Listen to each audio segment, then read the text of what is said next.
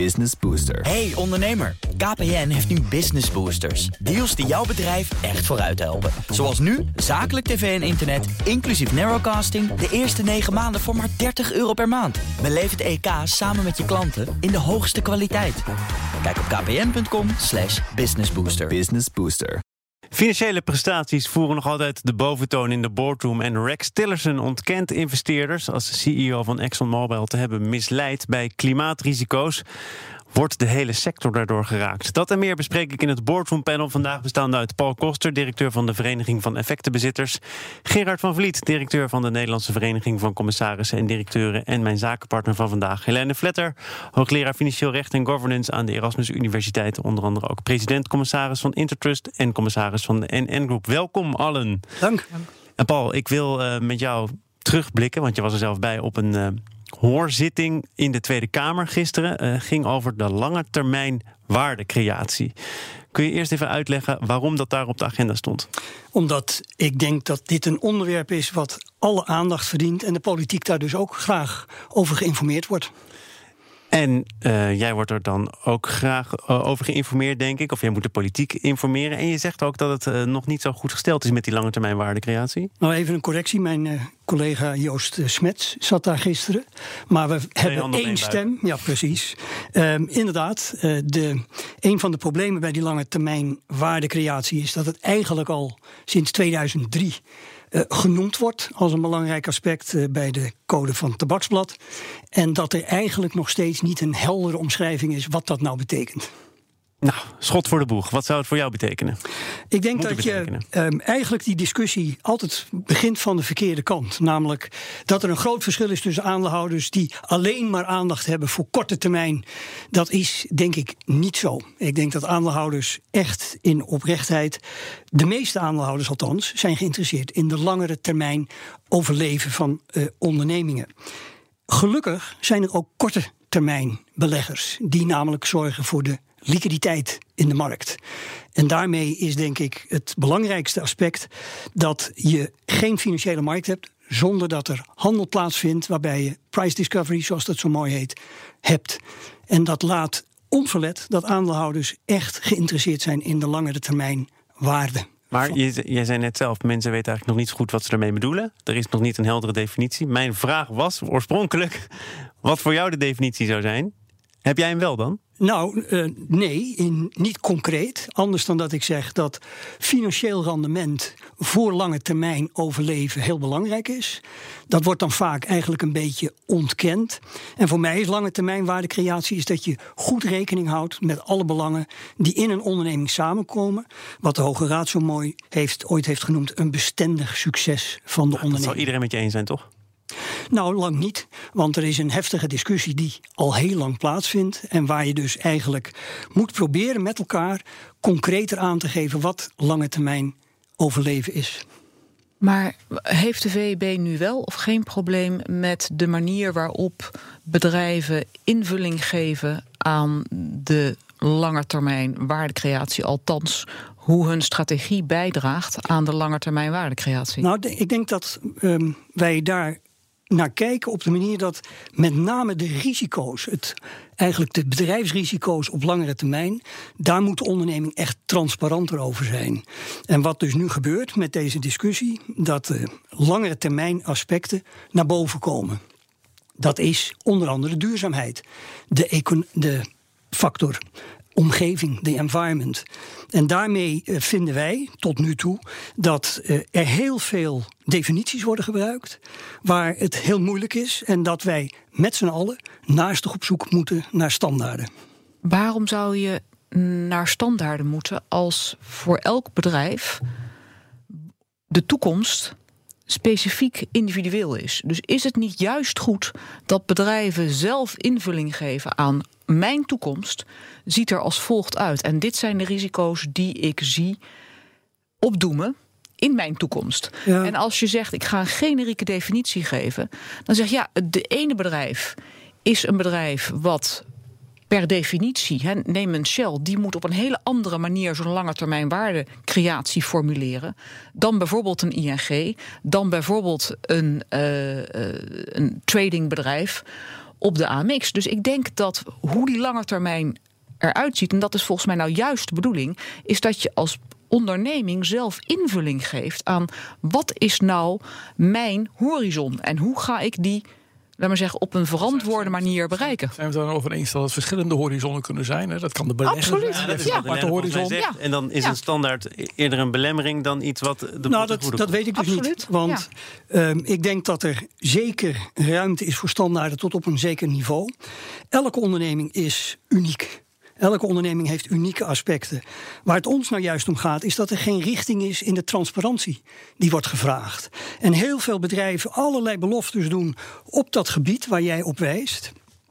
Unilever die zegt: wij gaan het waterverbruik met 50% verminderen en dat moet in 2020 behaald worden. Wat gebeurt er dan als dat niet gehaald wordt? Wij als aandeelhouders zoeken nou juist naar concrete aanduidingen, duidingen van het bedrijf. Dit zijn de risico's, dit is hoe wij het gaan verminderen, dit is het waterverbruik. En dit zijn de aspecten die daarbij naar boven komen. De dat wordt niet transparantie, dat wordt niet goed uitgelegd. En de transparantie op dat punt verdient echt een aantal standaarden, zodat iedereen weet: dit zijn de minimale vereisten waaraan je moet voldoen. Jij bent het daar heel duidelijk, ook zichtbaar, niet mee Ik ben het eens. daar heel duidelijk en zichtbaar Maar niet vind je mee niet eens. dat als, als Unilever, om dat bedrijf dan maar eventjes eh, te noemen, zegt we hebben een bepaalde ambitie, 50% waterreductie, dat je zou beter zou moeten uitleggen hoe je dat dan gaat doen en wat er gebeurt als je het niet doet? Vanzelfsprekend. Maar ik kan mij zomaar voorstellen dat als Unilever zo'n concreet doel met zo'n specifieke deadline opschrijft, dat de hele wereld gaat kijken of Unilever dat doel ook gaat bereiken. En ehm, ik weet niet precies hoe u zich voorstelt dat er dan sancties moeten komen.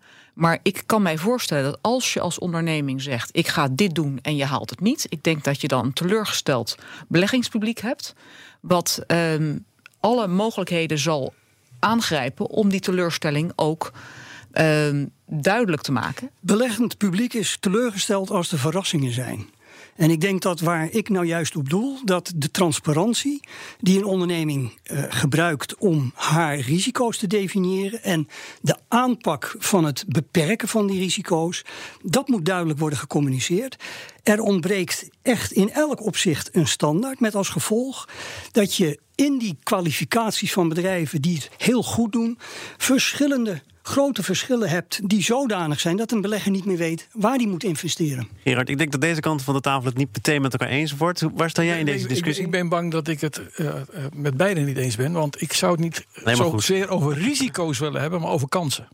Je hebt het over twee dingen die elke keer fout lopen bij dit soort eh, discussies. Dat is, wat is de communicatie die je rondom dit soort kansen neerzet? Want wat is nou de bijdrage van het eh, met de helft verminderen van water? Wa- In welke context past dat? Hoe bedoel Waarom je, zou je dat doen? Sommige bedrijven hebben toch gewoon, lopen toch ook risico door bijvoorbeeld Tuurlijk, tuurlijk, maar elke ondernemer die kansen pakt, kijkt ook naar risico's, automatisch. En nu komt elke keer weer het woord risico komt naar voren. Maar het gaat gewoon over hoe ga ik op langere termijn de continuïteit van dit bedrijf zekerstellen. Dat doe ik door kansen te pakken.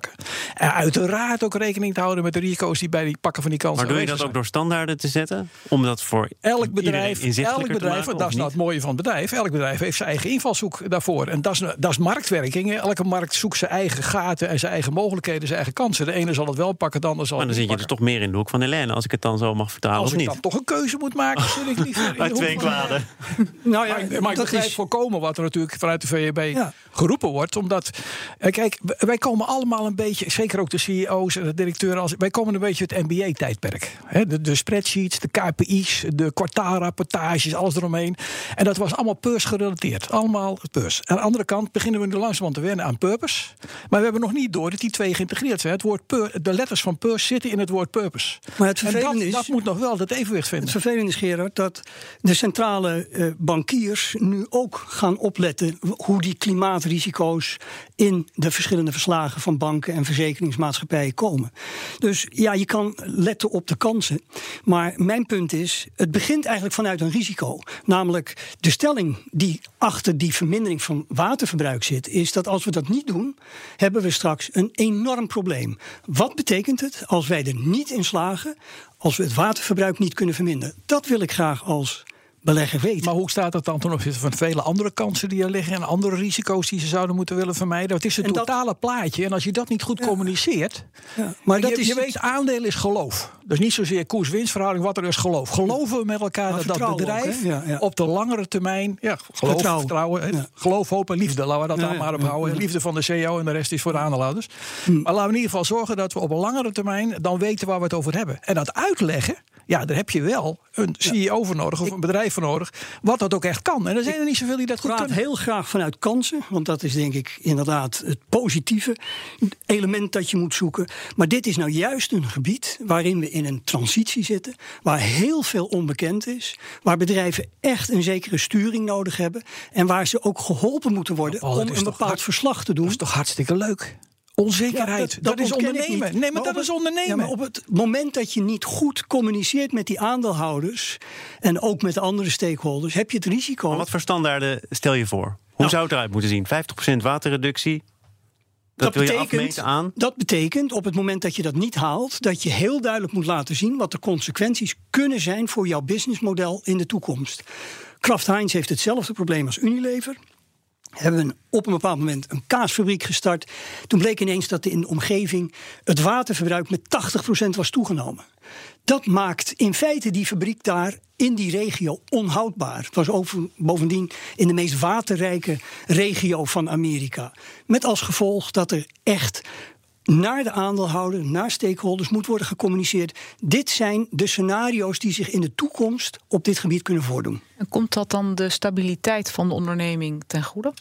Ja, want op het moment dat aandeelhouders verrast worden en denken: ja, maar die communicatie heeft op geen enkele manier aansluiting gehad met de realiteit, heb je dat de markt ongelooflijk abrupt en vaak met een enorme volatiliteit reageert. En wij zoeken nou juist naar communicatie die een zekere stabiliteit brengt. Het Boardroom Panel is te gast en bestaat uit Paul Koster, directeur van de Vereniging van Effectenbezitters, de VEB. Gerard van Vliet, directeur van de Nederlandse Vereniging van Commissarissen en Directeuren. En mijn zakenpartner Helene Vletter, hoogleraar Financieel Recht en Governance aan de Erasmus Universiteit. Onder andere president-commissaris bij Intertrust en NN Group. En we praten door over Rex Tillerson. Hij was eh, een tijdje lang minister van Buitenlandse Zaken, maar ook CEO van ExxonMobil. De, en hij moest gisteren getuigen in een rechtszaak tegen dat oliebedrijf. De Amerikaanse overheid beschuldigt het concern van het misleiden van investeerders door de risico's van klimaatverandering bewust te minimaliseren. Eh, hebben jullie deze zaak een beetje gevolgd? Zeker. Eh, wat is je voorlopige oordeel, Gerard? Ja, dat is natuurlijk een onmogelijke positie. Eh, Van? Hij, zei- van van Rex uh, Tillerson zelf. Maar ook van de overheid. Kijk, het, is, het heeft een beetje met... eh, Als er in het verleden iets fout gegaan is... dan stellen we alsnog iedereen aansprakelijk. En het rechtssysteem moet daar maar op aangepast worden. Amerika is natuurlijk wel unicum in. Als je ook maar een kans ziet, dan begin je een uh, class action uh, benadering. En hup, daar gaat hij weer. Ja. Ja. nou ja, Over die modellen, want daar, daar heeft hij zelf over gezegd. Ja, uh, we hebben ook geen model of geen beter model dat de toekomstige invloed van beleid echt goed kan uitdrukken. Ja, uh, hoe dan ook komt neem het nu even de stikstofdiscussie. Hè? Waarom hebben we alle modellen die er ooit waren ook niet serieus genomen? Ja, de, de, de, tijd leert dan dat je op enig moment toch een andere afslag had moeten nemen. Maar ontslaat ja. je dat ook van verantwoordelijkheid? Ja, het model klopte niet of we hadden geen goed model. We, iedereen heeft erbij staan kijken. En dezelfde momenten, dat waren de aandeelhouders die geen opmerkingen gemaakt hebben. De raad Kijk, van commissarissen, ja. de, de, executive board. Je kunt ook de overheid heeft. kwalijk nemen dat ze ook niet ingegrepen hebben. Nee. Ja. En dat er nog steeds gerookt wordt. Dat is ook schadelijk. En men gebruikt het uh, als een argument om andere dingen te doen. Maar het blijft, het blijft bestaan. En Deze die modellen, Tillerson is een te makkelijke kop van Jut. Die is een te makkelijke kop van Jut. Omdat, waar ik al net op wees. In feite is er zoveel onduidelijk. We lezen gisteren in de krant, in het FD, over de windmolens. Waar nu ineens blijkt dat er elementen in zitten die lekken. Waar mogelijk meer schade uit voortvloeit dan de CO2. Ik weet niet wat ervan uh, waar is, maar het toont dat er op allerlei gebied op dit moment ontwikkelingen zijn die nieuwe uh, feiten naar boven brengen. Uh, je ziet het met Johnson Johnson, de talkpoeder, waarvan iedere moeder uh, eigenlijk altijd gezegd heeft: Nou, strooi je maar. En nou blijkt dat er mogelijk asbest in zou zitten. Maar de ah, FDA heeft het over al die jaren goedgekeurd. Hier gaat, hier gaat het over bewuste misleiding. Dat is wel iets anders dan nou, dat, de goede wat vind je dan van, model Wat vind je dan van Johnson Johnson die zegt... er zit geen talk of geen asbest in? Dat maakt het echt een punt of het klopt of het klopt niet. Maar er zijn zoveel elementen. De tests, de DNA-tests, hebben zoveel nieuwigheden gebracht. Dat allerlei dingen die vroeger onmogelijk waren, nu wel mogelijk zijn. We ontdekken steeds meer door de technologie, door de wetenschap. Met als gevolg dat je uh, in een situatie wordt gedrongen, zoals een Exxon, waarbij steeds meer gewezen wordt op de modellen die toen heel redelijk leken en nu ineens op een andere manier. Daarom pleit ik voor die scenario's. Ja, als, ik denk dat we twee discussies door elkaar halen. Want enerzijds is, uh, is eigenlijk jouw punt, Paul, van ja, je moet altijd uh, iets bekijken met kennis van toen. Ja. Nee, met kennis van toen. Van, van nu, ja. Dus of je, of je Rex Tillerson wel of niet aansprakelijk kunt houden, dat gaat erom welke kennis was er destijds. Maar het tweede element, als ik de zaak goed gevolgd heb, is dat er wordt gezegd van ja, naar de buitenwereld zei u dat u rekende met een kosten van x. Maar feitelijk wat u deed was een kost van y doorberekenen. En ik denk als, het, als ze kunnen bewijzen dat er een discrepantie is tussen wat er is gecommuniceerd met de aandeelhouders en wat er daadwerkelijk was gedaan, dan heb je een juridische basis. Dan zeg je ja, maar je jaarrekeningen klopten niet. Je financiële informatie die je hebt gedeeld klopte niet. En dan lopen er dus twee zaken door elkaar. Nou, ik denk dat het, want jij bent natuurlijk de expert op het juridisch gebied, maar er liggen denk ik zoveel vragen open als je dit zo stelt. Allereerst, hoe werden die uh, verschillen in prijs gebruikt? Heeft in de communicatie, zijn er duidelijk misleidende aspecten geweest? Absoluut. Dat maakt het, wat ons betreft, en ik denk dat Gerard er eigenlijk mee begon. Het is net begonnen. Het is een heel complex uh, uh, proces waar nu nog niet conclusies uitgetrokken kunnen worden. Want het bewijs dat er 1,6 miljard verloren is door aandeelhouders, lijkt mij een hele lastige om te bewijzen. Want dan moet je toch kunnen aantonen in welke periode dat dan heeft plaatsgevonden. Uh, wat was dan de aanleiding dat je die transactie deed? Kun je aantonen dat je nog steeds aandelen hebt? Ja. Waarom heb nou enzovoort enzovoort. Ja, dus... Ik ben het me helemaal met je eens, maar daar gaat het om. Maar ik denk dus het gaat eigenlijk om de vraag welke concrete misleiding heeft er plaatsgevonden? En kan dat überhaupt, heeft er misleiding plaatsgevonden? En zo ja, kan die concreet gemaakt worden? En dan kom je pas toe aan, uh, aan vragen van goed, kennis van toen. Ja, mag ik daar op een gevaar wijzen wat ik zie? Nou, ik ben meer van de kansen. Nou, ik ben uh, toch even. Het, het gevaar dat ik zie is dat er um, eigenlijk naar de markt toe een indruk wordt gewekt dat dit soort aspecten uh, heel helder is. En dat is het op dit moment nog niet. En juist de vraag, zoals Exxon in het verleden heeft geopereerd. Exxon was altijd agressief altijd agressief in zijn uh, aanpak, financieel op een hele andere manier dan Shell geleid. Uh, de vraag is dus ook echt: kunnen we het nu uh, als Exxon wordt veroordeeld, het over de hele sector trekken? Ja. Ik denk dat het heel veel vragen zal oproepen en waar het gevaar Jij zit. dus van niet. Ik denk voorlopig van niet, want het gevaar zit erin dat je een hele sector in een kwaad daglicht zet, met als gevolg dat eigenlijk de broodnodige fondsen die nodig zullen zijn om uh, de transitie in de uh, energieverbruik. Die opdrogen. Dat die opdrogen en dat we dan in een veel ernstiger situatie zijn. En dus lijkt mij heel belangrijk dat we eerlijk kijken. Wat wist Exxon? Hoe is het gebruikt? Wat waren de teksten? Als ik die had gezien in alle jaarverslagen, dan General Electric heeft. Ja, ik wil even uh, kijken of, of, of Gerard hier toch nog een positieve draai aan kan geven. Nou ja, ik, ik, de positieve draai wat mij betreft, wees je bewust van je handelen. Uh, ik neem nu even het voorbeeld, hè, wat voor de hand ligt, is de 5G. Hè. Ja. Hoeveel partijen zijn er niet die roepen van jongens, die straling gaat uiteindelijk ook heel veel. Er wordt het nieuwe asbest. Kijk even naar suiker. We weten van suiker dat ze net als roken tot enorme problemen leidt. Welke CEO van Haribo kan nog beweren dat het geen effect heeft op de gezondheid van mensen en dus niet straks uh, de basis is voor zo'n mooie proces in dat geval. Ja, het, het, als, als het alleen al tot bewustzijn maakt van je toch even nadenken over, want het wordt nu toch transparanter als dat gewend waren dat was. Hè. Dit achterkamertjeswerk ja, is toch al even handig. Zeker, Dan vind ik het al fantastisch. Ja. En ik denk dat dat ook een beetje de teken van deze tijd is.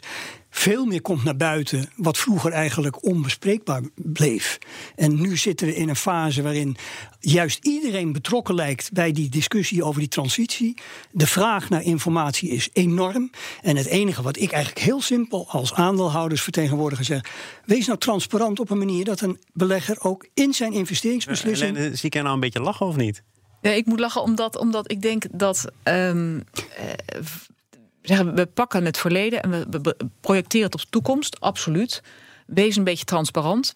Nou, niet een beetje. Van- Wees, ik wees, citeer jou. Eh, dus ik denk dat is absoluut. zeker het woordje beetje, dat moet ik dan Ja. direct wegstrepen. Maar ehm, ik, denk, ik denk dat dat is bijna een open deur. Kijk, want dat is waar alle regelgeving, waar alle stakeholders op sturen. Waar het om gaat is de risico's die je ook moet, goed moet kalk incalculeren op het moment dat je communiceert. Want het kan best zijn dat destijds. Ik, zeg, ik ga even van het goede uit in deze wereld. Dat destijds ExxonMobil dacht dat ze op een goede manier communiceerden. Maar achteraf bleek dat het niet waar is. En dat is ook een beetje jouw voorbeeld over hè, de suikerbedrijven en, en wat die meer zei. Die dachten, dit gaat goed. Coca-Cola zegt, je moet gewoon Ja, wat meer bewegen. Voilà. Maar het is, het is nog Ik stuur even op tijd. Sorry. Het is niet anders. Het gaat, het gaat brusk, hè? Het gaat brusk. Ja, Ik beloof dat je nog een keer terug mag komen. dank. Business Booster. Hey ondernemer, KPN heeft nu Business Boosters. Deals die jouw bedrijf echt vooruit helpen. Zoals nu, zakelijk tv en internet, inclusief narrowcasting... de eerste 9 maanden voor maar 30 euro per maand. Beleef het EK samen met je klanten in de hoogste kwaliteit. Kijk op kpn.com slash businessbooster. Business Booster.